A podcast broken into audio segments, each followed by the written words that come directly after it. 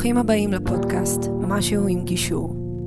פודקאסט על קונפליקטים, גישור ומה שביניהם, עם המגשרים נדב נשרי, דניאל הרוש וחברים. קונפליקטים על בסיס של זהות הם המורכבים ביותר והם אלה שהביאו למלחמות עולם ומסעות צלב וטראומות קשות. אה, דת כזו שרוצה לשכנע דת שכזו, תפיסת עולם שכזו שרוצה לשכנע תפיסת עולם שכזו, לא באידיאלוג, באלימות, בקושי, זה אחד המקרים הכי הרסניים בעולם. מלחמות עולם קרו על דברים שכאלה. או בזעיר אנפין, אבל ביתר שאת בעוצ... בעוצמתם, זה גם קורה בתוך משפחה. כשיש בתוך המשפחה אה, שוני בזהות, אה, על בסיס דתי, אה, לאומי, אה, מגדרי, מיני, יש פה קשיים מאוד גדולים של פערי דורות ותפיסות עולם, וכשזה בתוך המשפחה, זה לא בין אה, המעצ... ברית המועצות לארצות הברית. זה שיכולים לקחת צבאות ולא מדברים אחד עם השני. פה זה אנשים שהם מאותו דם. נמצא איתי היום אה, אהוד אזורי, שהוא מגשר נפלא ועורך דין. אה, ואדם שכשאני פגשתי, אני חייב להגיד לכם, התרשמתי מאוד. אה, אתם יכולים אפילו לספר ככה איך, אה, איך, איך הכרנו, ככה שנכיר, שולח לי מכתב אדם. עכשיו, אני מקבל הרבה פניות לאנשים שבואו ניפגש, בואו נדבר, ואני בדרך כלל, בנחמדות, משיבם ריקם, כי אני פחות שש לשיחות שהן אה, בסוף שהמטרה היא, בוא, תביא לי עבודה. זה בדרך כלל שיחות שאומרים לי, בואו נעבוד ביחד. אני, אני לא, לא שש, יש לי את האנשים שאני מלמד ועובד איתם, ואני לא, לא, לא, אין לי זמן לכל פגישה. אבל משהו בכתיבה, בניסוח, אמרתי, פה יש משהו מאוד ייחודי, יש לי פה מגשר אמיתי. אמרתי, יאללה, זה שווה פגישה, וכך היה את החור, ונפגשנו. ושיחה שלא ידענו לי איך היא תתחיל, התגלגלה למחוזות שאמרתי, הנה, יש פה מישהו עם קול, שאני חושב שאנשים צריכים לשמוע. לכן הזמנתי אותך לכאן. תודה רבה. מכל הלב. זה באמת היה אחד המפגשים הלא צפויים. אה, זה התחיל אה, במעין אה, צליעה קלה והתפתח למשהו נראה כתחילתה של ידידות מופלאה. איזה יופי לנו. איזה כיף ככה בעולם הגישור לפגוש קולגות גיש וגשרים. בסוף אנחנו מוצאים את הגשר. ואז התחלת ככה אמרת לי בתחילת השיחה שלנו עכשיו, שאתה, שאני קראתי לכותרת, שאלתי איך לקרוא לזה, ואם לקרוא לזה קונפליקט אה, על, על זהות דתית. ואתה אמרת, לא, לא, זה... קונפליקט מבוסס זהות. מבוסס זהות, מבוסס ואני לא דתי.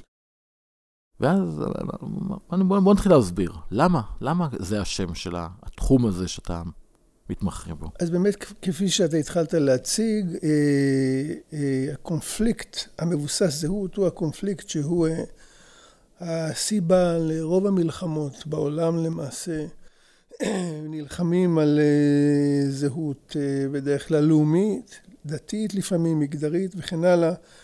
וזה סוג של קונפליקט שנוגע בנימים הכי דקים והכי רגישים של האדם, הזהות שלו.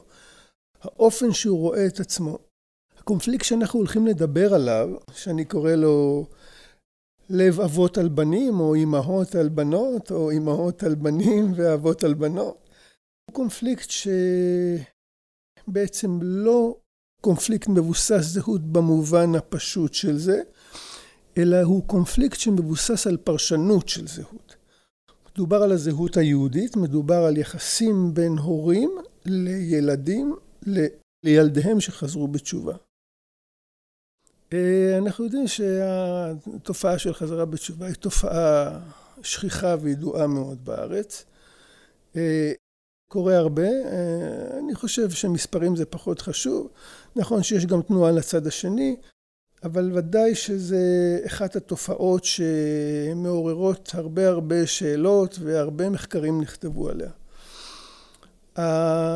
הסיטואציה הזאת שהבן שלי, בוא נדבר בשם ההורה, פתאום מחליט שהוא משנה את אורח חייו באופן קיצוני, היא סיטואציה שמאוד מאוד לא פשוטה לכל הסביבה הקרובה שלו, ובפרט לקרובים ביותר, שזה ההורים, ואולי אחים גם, אבל הורים זה הרבה יותר רגיש.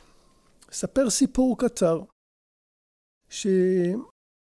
שמבהיר, מדגיש, למה אנחנו, למה מדובר על פרשנות של זהות. אה, אימא של חבר שלי, חבר אה, קרוב ויקר, שחוזר בתשובה, פגשה חברה שלה בבית קפה, ישבו ודיברו, והחברה ראתה שפניה נפולות ואינן כתמול שלשום. שאלה אותה, מה קרה? מה כבר יכול להיות? היא יודעת שמרבית הצרות שלה או הבעיות שלה נובעות מהקשר שלה עם הבן שלה. ואז היא שאלה אותה, מה קורה עם יוסי לצורך העניין? מה שלמה? מה כבר קרה? מה יכול להיות? היא אומרת לי, יש לי בעיות איתו. איזה סוג של בעיות יש לך? מה כבר יכול להיות? מה, מה, הוא חזר בתשובה? הוא התנצר? מה כבר יכול להיות? האמירה הזאת של החברה מייצגת באופן מאוד מאוד אה, אה, משמעותי את הקונפליקט. מצד אחד, הרי, הרי, הרי, הרי החברה מתארת שני סוגים של אסונות שיכולים לקרות, ואני לא בכדי משתמש במילה אסון, כי תכף כשנדבר אנחנו נראה עד כמה זה, זה נוגע בנימים קשים ורגישים ובאמת נתפס בעיני הורים לא פעם כאסון. אז שני סוגים של אסון, האחד הוא התנתקות מהזהות היהודית שלך. שזה התנצרות. זה נתפס בעיני חברי כאסון שלא יעשה. השני הוא התקרבות לזהות היהודית שלך, שזה חזרה בתשובה. מוזר שרואים את זה על, על אותה סקאלה, אותה, אותה חברה באמת רואה את זה. Uh, הסיטואציה שהורים, אה, אני גם כמובן מדבר מניסיון אישי, חווים... מה זה אומר מניסיון אישי? ניסיון אישי זה אני בעצמי חוזר בתשובה. Mm. אני בסביבות uh, גיל uh, 26-7, צמחה לי כיפה על הראש. זה לא היה פשוט כל כך, זה היה תהליך ארוך, עם התקדמות ונסיגה, התקדמות ונסיגה. ואני גם באופן אישי חוויתי את הקונפליקט הזה. Uh, ב... בוא נגיד, על... ברמה uh, לא... לא קלה על הסקאלה של, כן, חומרת הקונפליקט, בוא נאמר. אז, אה, אז אה, בעצם הורים פתאום מקבלים איזשהו מסר מרדני, נתפס כמרדני, בהרבה מקרים נתפס גם כבוגדני. זה פשוט בגידה, זה פגידה בערכים שאנחנו הנחלנו לך, זה פגיעה בדרך החיים שאנחנו אה, גידלנו אותך על בסיסה, בהשקפת העולם שאנחנו גידלנו אותך על בסיסה. פתאום הילד מגיע הביתה ולא אוכל אוכל של אימא. זאת מציאות בלתי נסבלת. עבור הורים מסוימים זה משבר שקשה להתגבר עליו.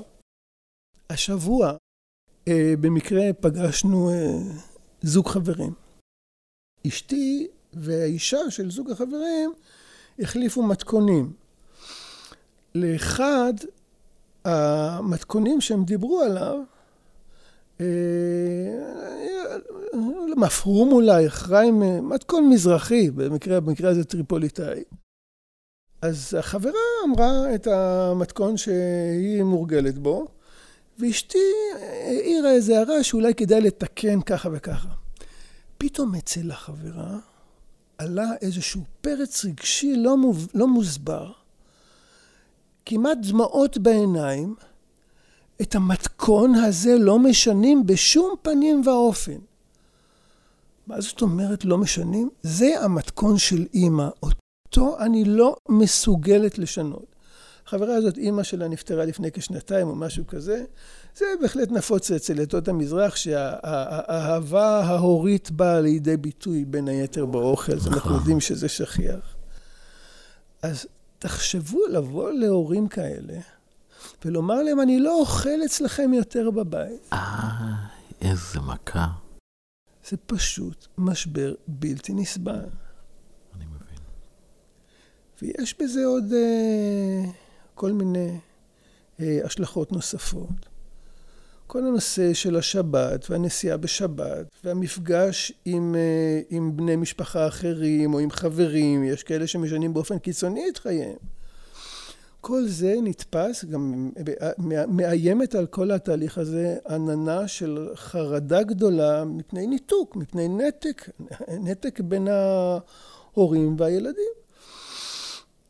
קרו מקרים מאוד קיצוניים, הורים וילדים שלא הצליחו לדבר את הקונפליקט שלהם, הגיעו למחוזות מאוד קיצוניים, מכירים, מכירים מקרים של אה, אה, נתק של שנים, נישול מהצוואה וכל מיני דברים כאלה, בהחלט דברים קיצוניים. פה נכנס כאור מבקיע, מבציע, כן? כשמש זורחת בעיניי, ככה אני רואה את זה, הליך הגישור. ההורים והילדים לא יכולים לתקשר. אין אפשרות לתקשר, זה ברור. יש עומסים, הרי, הרי, הרי הקונפליקט הזה הוא מסתיר עומסים של שנים רבות, הוא לא רק, הוא, החזרה בתשובה, שינוי אורח החיים, הוא רק סימפטום שניכר כלפי חוץ.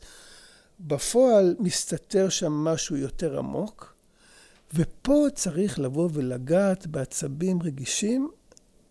זה מאוד כואב, יכול להיות, אבל זה יכול להיות בעל תוצאות נפלאות. תסביר. תוצאות נפלאות. מה זה להסביר תוצאות נפלאות?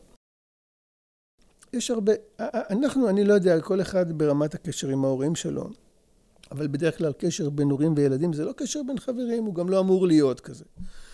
את אה, נסתרי ליבי, או, או את, את, את הצורך שלי בשיחות נפש, אני לא איישם אה, מול ההורים שלי. יש מקרים נדירים שכן, אבל הרוב בוודאי שלא כאלה. ו... והמון דברים שלא מדברים עליהם. פתאום נכנס גורם שלישי, ניטרלי, מתון, משרה אווירה של שקט. מנטרל כל מיני... בעצם ההוויה שלו לפעמים מגשר עושה את זה, אם הוא, אם הוא האיש המתאים. מנטרל פחדים, מנטרל חרדות, ומהווה איזשהו קטליזטור להיפתח בפניו לכאורה. אבל זה לא בפניו, זה בפני הצד השני, במקרה שלנו בן או הורה. ו... ופתאום עולים דברים, עולים דברים לא פשוטים, כאשר בסופו של דבר הרקע של העניין הוא עניינים פרקטיים לחלוטין. איך אוכלים, איך מכשירים מטבח, ואיך מסדר, פוגשים את המשפחה. הכל מקבל ביטוי פרקטי בעולם המעשה. ושם צריך למצוא את ההסדרים בדרך הידברות על כל אותם דברים רגישים, על כל אותם... אה, אז זה בעצם, אז פה ההבדל בין הטיפול המשפחתי, כי פה, החידוש שלי בתוך השיחה שלנו, זה בדיוק הנקודה הזו, שאמרתי, אוקיי, יש פה סיפור, משפחה עם קרע, על בסיס דתי, כמו שיכולתם להט"ב, או, כל, כל נושא אחר שיש שוני בין תפיסות העולם של ה, ה, הילדים, גדלים אחרת ממה שתוכנן וצופה. וזה נשמע כמו משהו של טיפול משפחתי, ואני תהיתי למה, איפה, איפה הגישור פה, ואז אתה בעצם אומר, לא, יש פה סוגיות פרקטיות. אהבה יש שם, אהבה יש, רצון יש, אבל הם נתקעים בנסיעה, בהכשרת המטבח, בכשרות, בכל מיני דברים ש... שצריכים למצוא פתרון טכני, פרקטי, שזה, אני יכול להגיד, בגישורים שאני עושה ב... בין... אה, אני עושה גישורים של האבא, או שניהם היו חרדים, עכשיו אחד נהיה חילוני או דתי-לאומי, ששינויים בתוך התא המשפחתי כתוצאה מהם, או בין היתר, זה אחת הסיבות לגירושים. ועולה עולה שאלה מאוד גדולה, רגע, איזה חינוך יקבלו הילדים. אה, וכשהם באים לבית של ההורה שהוא, שהוא עכשיו הוא חופשי, הוא חילוני, אה, איזה, מה אם מותר? הם רואים שם טלוויזיה בשבת, הם לא רואים טלוויזיה בשבת. זאת אומרת, יש הרבה מאוד שיחות על כך. אחד הדברים היפים שאני אוהב בתהליכים האלה, שעבורי זה משהו מאוד, אה, מאוד ציוני, אני רוצה להגיד את זה. זה משהו מאוד ציוני. ציוני. אני חושב שזה זה, זה ערבות הדדית. זה להקים חזון של מדינה, כל אזרחיה, כל דעותיה, שיודעים לעבוד ביחד ולחיות ביחד, על אף השוני בינינו, שזה דבר נפלא, כי זה קורה דווקא מתוך גישה דתית, שבדרך כלל היא לא מתפשרת. אני תראה, זה נפלא שאתה רואה בזה אה, משהו ציוני, אני לא בטוח שאבות הציונות כולם היו חותמים על האמירה הזאת שלך, כי יש כל מיני תפיסות. הם לא היו חותמים על הרבה מאוד דברים שקורים עכשיו, זה בסדר. כן, אבל אני בהחלט רואה, אני בהחלט גם רואה את זה כמשהו, כמשהו ציוני, כמשהו שהוא בדמנו במובן מסוים, כאיזה סוג של קרע שפוגע בנו בצורה אנושה, דווקא הקרע הדתי, חילוני וכן הלאה. נכון. אבל לגבי מה שאתה אמרת, הנושא של, ה, הנושא של הגישור פה, הוא נראה לי הרבה יותר נכון מהטיפול המשפחתי. מן הטעם הפשוט שאף אחד לא בא מתוך איזושהי הכרה של רצון לתקן יחסים רגשיים או משהו כזה.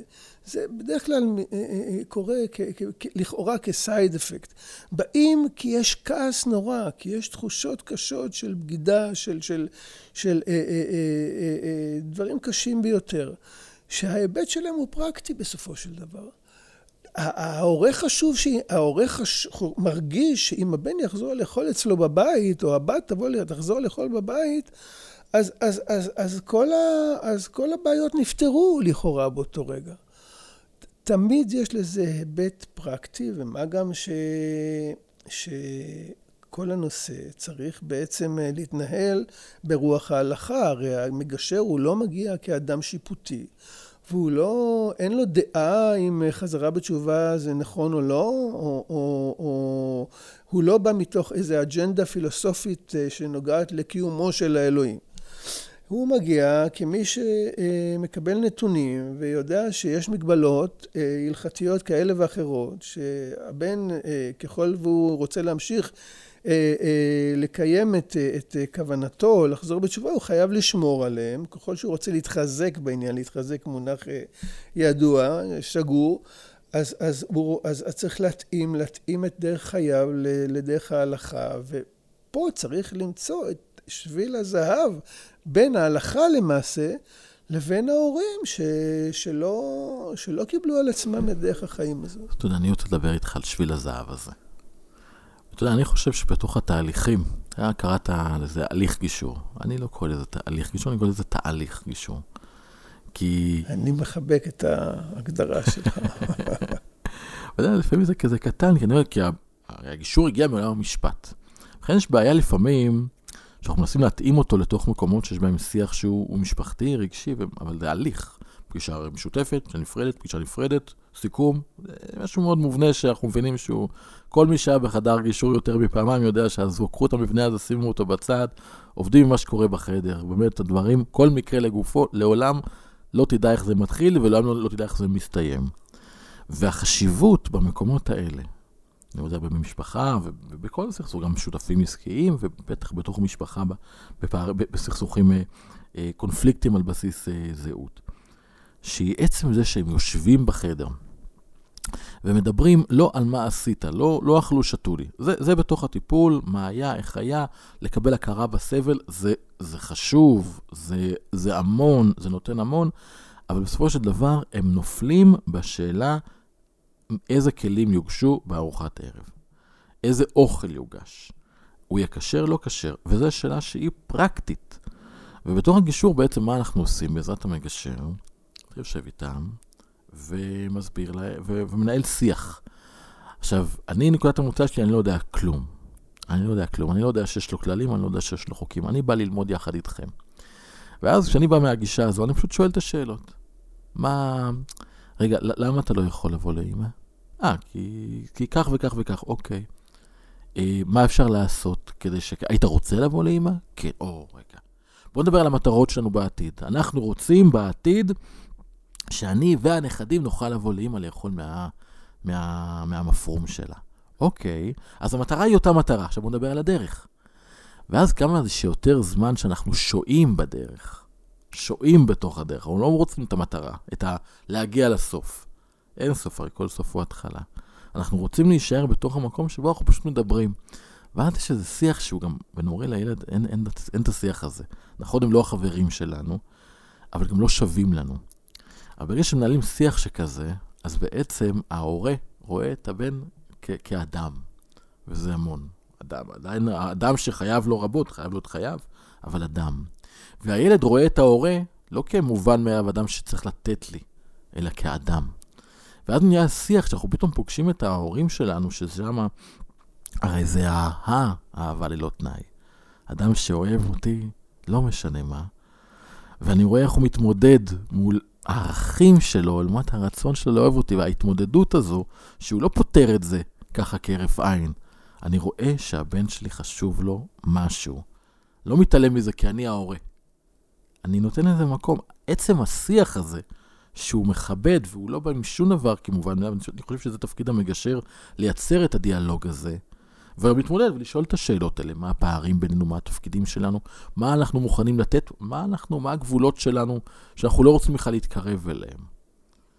זה שיח, אז פה הגישור, ופה קצת הפלת לי אסימון, ברגע שנתת את הזווית הזו, אמרתי, באמת, יש פה בגישור כלי שהוא כל כך יכול להקל ולחבר. עכשיו, יש אותו, אתה יודע, בעולם הדתי יש מפגשים. אני יכול להגיד לך פה, בתואר השני הייתה לי הרצאה של איזשהו אימאם, אני חושב שהוא שייח, שמספר, ש... ורב, ורב, היה מפגש מוסלמי ויהודי, שמספרים בעיתות משבר, מצוקה, הר הבית עולה בלהבות, יש מפגשים של רבנים מהציונות הדתית הקשה והחמאס. ויושבים נציגים ומדברים וואו. בשקט בשקט, כי בסוף לדת, אנחנו רואים את זה בוועדות הפיוס, אנחנו רואים את זה במדינות העולם. הרב פרומן היה... הרב אה, פרומן, סתם, זה כן. אחד המובילים שם. תופעה, תופעה, כן. אבל אתה יודע, אבל זה, זה ההופעה. כי זה מה שהיה, זה, זה התפקיד הרי של הדת, של הקהילה, של התמיכה, של החוכמה, של להוריד את השיח למקום שלנו כקהילה. שיש בקהילה הזאת עכשיו הרבה אנשים, העולם הוא כבר הוא עצום וגדול, אבל בסוף אנחנו יצור מאוד קהילתי. והתפקיד של המגשר פה, במקומות האלה, שמייצר את השיח שמכבד את הדת ואת האמונה, זה, זה, זה כל כך אה, נותן תקווה, אתה עם כל הרוע והזה שיש לנו פה מסביב, פתאום יש פה את השיטה הזאת שלנו. תראה, אתה התחלת לדבר בהתחלת הדברים שלך על המפגש הבלתי אמצעי בין ההורים והילד, שלא דרך הפריזמה דווקא של הורה וילד. אם באמת נוצרת, נוצר כזה קונטקסט, כזה הקשר, שעכשיו ההורים והילדים מסתכלים אחד על השני כאל בני אנוש, כן? זה לא הילד שלי עכשיו, יש, מה, יש את העניין הזה של שלי. זה בן אדם שהוא אה, אה, אה, אישיות, יצור אוטונומי, כן? עם חופש בחירה, לבחור ריבון, ריבון על חייו למעשה, כן? שהוא בוחר. אותו דבר גם, אותו דבר גם מצד הילד, כאילו יש פה הורה עם רגשות, לא הכל מובן מאליו, כפי שהיה כל השנים, הרי מובן מאליו שמגיעים הביתה ורואים צלחת, מובן מאליו שמקבלים חום ברמה כזאת או אחרת מההורים, כן, הכל מובן מאליו. עכשיו פתאום לא, שום דבר לא מובן מאליו. הקונטקסט הזה של מפגש בלתי אמצעי בין שני אנשים, לא בין הילד שלי, איך אומר חליל ג'ובראן, הילד שלי הוא, הילדים שלכם הם לא שלכם, הילדים שלכם הם של החיים. של הקדוש ברוך הוא. ועצם האפשרות הזאת, כאשר היא נוצרת, זה, זה, זה פשוט פלא גדול, זה פותח אין סוף אפשרויות בקשר, אה, ברגש וכן הלאה. עכשיו, לגבי תהליך הגישור, אני אה, אה, לא יודע בדיוק, לא, אולי בעניין הזה לא מספיק האמנו, למרות שהייתה לנו נגיעה בזה, אבל אני לא מאמין שצריך להתאים הליך גישור לאג'נדה תיאורטית כזאת או אחרת. אה, הליך הגישור זה הליך שהוא מלא מכל טוב, ובכל רגע נתון מגשר צריך לדעת לאלתר ולמצוא את התיאוריה המתאימה לאותה סיטואציה. יפה. ובעצם זה כבר לא תיאוריה, הוא צריך לחיות את הסיטואציה ולאלתר ולדעת מה נמצא שם באותו רגע. לחיות את הסיטואציה עם היכרות עם הנושא בעבר, או לחיות את, את מה שקורה בתוך החדר עכשיו? מה שקורה כאן ועכשיו. עכשיו, עכשיו ההתבוננות אוקיי. הזאת עכשיו על הסיטואציה, כביכול אפילו המגשר, לא מתוך הסובייקט שלו, למרות שכמובן שאי אפשר אלא מתוך הסובייקט, אבל אה, המגשר, המגשר כאילו אה, נמצא על המרפסת ורואה גם אותו וגם את המתגשרים וגם את הקונטקסט, את הקונטקסט הכללי. זה נקרא הסתכלות רפלקסיבית. אם, אה, אם אפשר להשתמש באיזושהי מילה אקדמית. אבל אה, עם זה שההליך הגישור, אני לא הייתי מגביל אותו לאף תיאוריה, הייתי אומר שבכל זאת הוא מתאפיין בכמה שלבים אה, שהתחלנו לדבר עליהם. אני חייב לציין שהשלבים האלה הם חלק מתיאוריה של יהודי בשם ג'יי רוטמן, פרופסור ג'יי רוטמן, שמתעסק ביישוב סכסוכים וכן הלאה. בר אילן, נכון? בר אילן. שנינו עשינו שם את התואר השני. הוא היה בבר היום הוא כבר לא בבר אילן, הוא נכון. חזר לארה"ב, אבל הוא uh, בהחלט היה חלק מהסגל האקדמי בבר אילן, האיש שהכי השפיע אליי בלימודי התואר השני שלי. והוא uh, ייסד תיאוריה בעולם, בעולם הגישור, יישוב הסכסוכים, שנקראת אריה. אריה זה ראשי תיבות של... השלב הראשון של ארבעת השלבים שהוא מדבר עליהם שהכרחי, שיקרו בתהליך הגישור, והוא מדגיש, זה הכרחי. השלב הראשון זה אריה, האות A, שזה אנטגוניזם. יש כעס, מגשר לא צריך להיבהל מכעס. כמובן שלא להגיע לאלימות וכן הלאה, אבל אה, כעס הוא ביטוי, הוא חלק הכרחי בתהליך. השלב השני, ושאחר כך אני אנסה לשים עליו קצת אצבע להדגיש אותו, אני מרגיש שאתה מאוד תתחבר למה שאני אומר, נקרא ה-R, ה-R של האריה, זה רזוננס, הדהוד. השלב השלישי זה invention, שזה יצירתיות, והשלב האחרון זה ה-I, invention, והשלב האחרון זה ה-A, action, איך מבצעים את זה בפועל. אני רוצה להתמקד על, ה, על, ה, על העניין של הרזוננס, של ההדהוד. מה מהדהד לי בעצם מהצד השני כאשר אני כמגשר מתבונן מהמרפסת על תהליך הגישור ולא מתוך הסובייקט שלי שבהכרח הוא יהיה מוטה לכאן או לכאן הרי אנחנו כל, כל, כל, כל ה... האתגר הגישורי בין היתר הוא להתגבר על ההטיות שלי בעצם, כי לכל אחד מאיתנו יש את העולם הסובייקטיבי שלו, שממילא ברגע נתון יטה אותו מכאן או לכאן וכן הלאה. אבל אה, איך אני, איך אני, אי אפשר לבטל את זה, אבל איך אני ממעט את זה? כאשר אני באמת כצופה מתוך המרפסת מתבונן בשאלה, בסיטואציה, ואז עולה השאלה שהיא שאלת המיליון דולר אולי אפשר, שהיא כבשנו של הקונפליקט, המוטיבציה שבבסיס הקונפליקט, וזה כמובן שהמגשר צריך לדעת מתי לשאול את זה בזמן הנכון, שאלה אבל השאלה היא הלמה, שאלת הלמה. למה העניין הזה כל כך מסעיר אותך? למה זה כל כך נוגע לך בעצבים כל כך רגישים? עכשיו, לא בכל רגע, לא בכל רגע אדם יוכל לענות את השאלה, על השאלה הזאת. יש כל מיני רבדים של תשובה על השאלה הזאת, אבל אם באמת היא נשאלת ברגע הנכון, ברגע שהבן אדם, גם, גם עצמו, נמצא ביחס של השראה כלפי עצמו, אז יכולים לבוא, לעלות דברים נפלאים מהתשובה לשאלה הזאת. נכון. מה באמת נוגע לך? למה זה כל כך מסעיר אותך? למה זה כל כך מפעיל אותך, הקונפליקט הזה? יכולות להיות אלף תשובות. אלף תשובות. אנחנו יודעים שהסערה הגדולה היא, היא עולה כאשר מדובר ב, ב, ב, ב, בכך שהקונפליקט נוגע בעניינים של זהות שלי. שם אני, שם אני כביכול אם אני מוותר, אז אני אה, חווה חוויה שכאילו אני מוותר במובן מסוים על האישיות שלי, על האוטונומיה שלי. שזה אדם לא יכול לעשות. שזה אדם לא יכול לעשות. זה אדם לא יכול לעשות. וצריך להבין, כל מה שאנחנו מצפים מהצד השני, שיוותר על משהו, אבל משהו זה הוא תכונת אופי, הוא משהו שמגדיר אותו, הוא פשוט לא יכול, ולכן זה יהיה דדלוק, זה יהיה מקום נעול. בדיוק. כי לא נוכל לפתור את זה, והתפקיד פה של המגשר זה בדיוק לשים את הזרקור על המקום הזה ולהבין את המורכבות, נכון. ולראות איך אפשר לחיות בתוכה. נכון. אהבתי את האריה, זה כן, אבל נכונה. תחשוב, כאשר, ת, ת, ת, ת, ת, ת, שווה בנפשך ששני צדדים מתגשרים עכשיו, מצליחים באמת לדלות מתוכיותם, מתוך, תוך, תוכם, כן? את תשובה אמיתית, תשובה אותנטית, לשאלה למה הקונפליקט מסעיר אותך. ועכשיו אנחנו רואים שני כבשנים של קונפליקט. זה קרקע נפלאה לעבוד איתה. נכון. עכשיו אפשר, עכשיו נכון. אפשר להתחיל לעבוד על משהו. ברגע שאני יכול לשבת עם האדם שמתנגד לי, וביחד לדבר על ההתנגדות שלנו, זה בונה בינינו את החיבור. אבל לדבר על, על הבסיס, המקור הכי שורשי של ההתנגדות. נכון. לפעמים, אם, אם הצדדים אומרים את האמת שלהם עד תום, בואו נגיד את האמת לאמיתה, נקרא לזה ככה, אז לפעמים המגשר כבר יכול לשבת בצד והדבר קורה מאליו. עכשיו הם מבינים אחד את השני, מבינים. בוא נודה על האמת, זו, זו המטרה שלנו בחדר. לתת להם זה העבודה, דיברנו. לאפשר. נכון, לתת להם.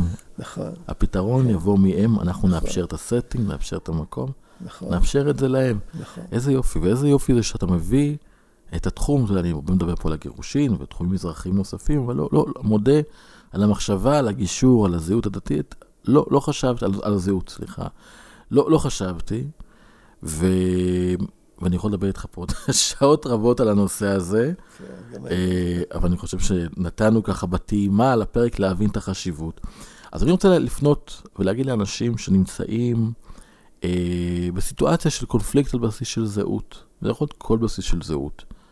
אה, אז אני יושב איתי פה מגשר מופלא ש, ש, שעוסק בתחום הזה, ואני רואה את העיניים שלך, איך בוהקות שאתה מדבר על זה, כמה הנושא הזה הוא במהותי וחשוב לך, אז אני מציע לכם, תרימו טלפון. אני חושב שתוכל לעשות טוב לאנשים שם. אה, ויכול להיות שאפילו ככה משיחה קטנה שירים לך טלפון, תוכל לתת להם אפילו איזושהי הצעה קטנה או פגישה. ואני חושב ש... שנקרא הצלחתך, הצלחתנו, כי, כי יש הרבה במדינת ישראל שזקוקים לעזרה הזו. וזה תחום אה, גישורי מופלא שאתה מקדם פה, ואני מאחל לך באמת כל ההצלחה. זה... תודה רבה. אני. מודה לך על הבמה מקרב לב ועל האפשרות אה, להעלות עניין כל כך חשוב. זה דברים כאלה, ד- דלתי פתוחה לרווחה ו, ומזמינה אפילו. אז אה, תודה רבה, אהוד. אהוד אזורי, מגשר, עורך דין. תשמע, האיש עשה שני תארים בפילוסופיה. יש משהו בתוך הדבר הזה ש, שמשרה מהרוח, הוא, הוא, הוא, הוא קיים. אני מאוד אה, הערכתי את זה.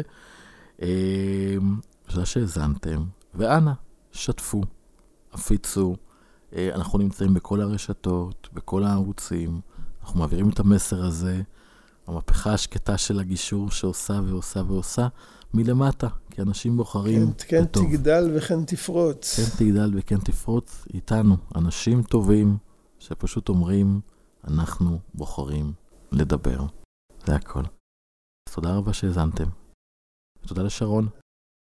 להתראות.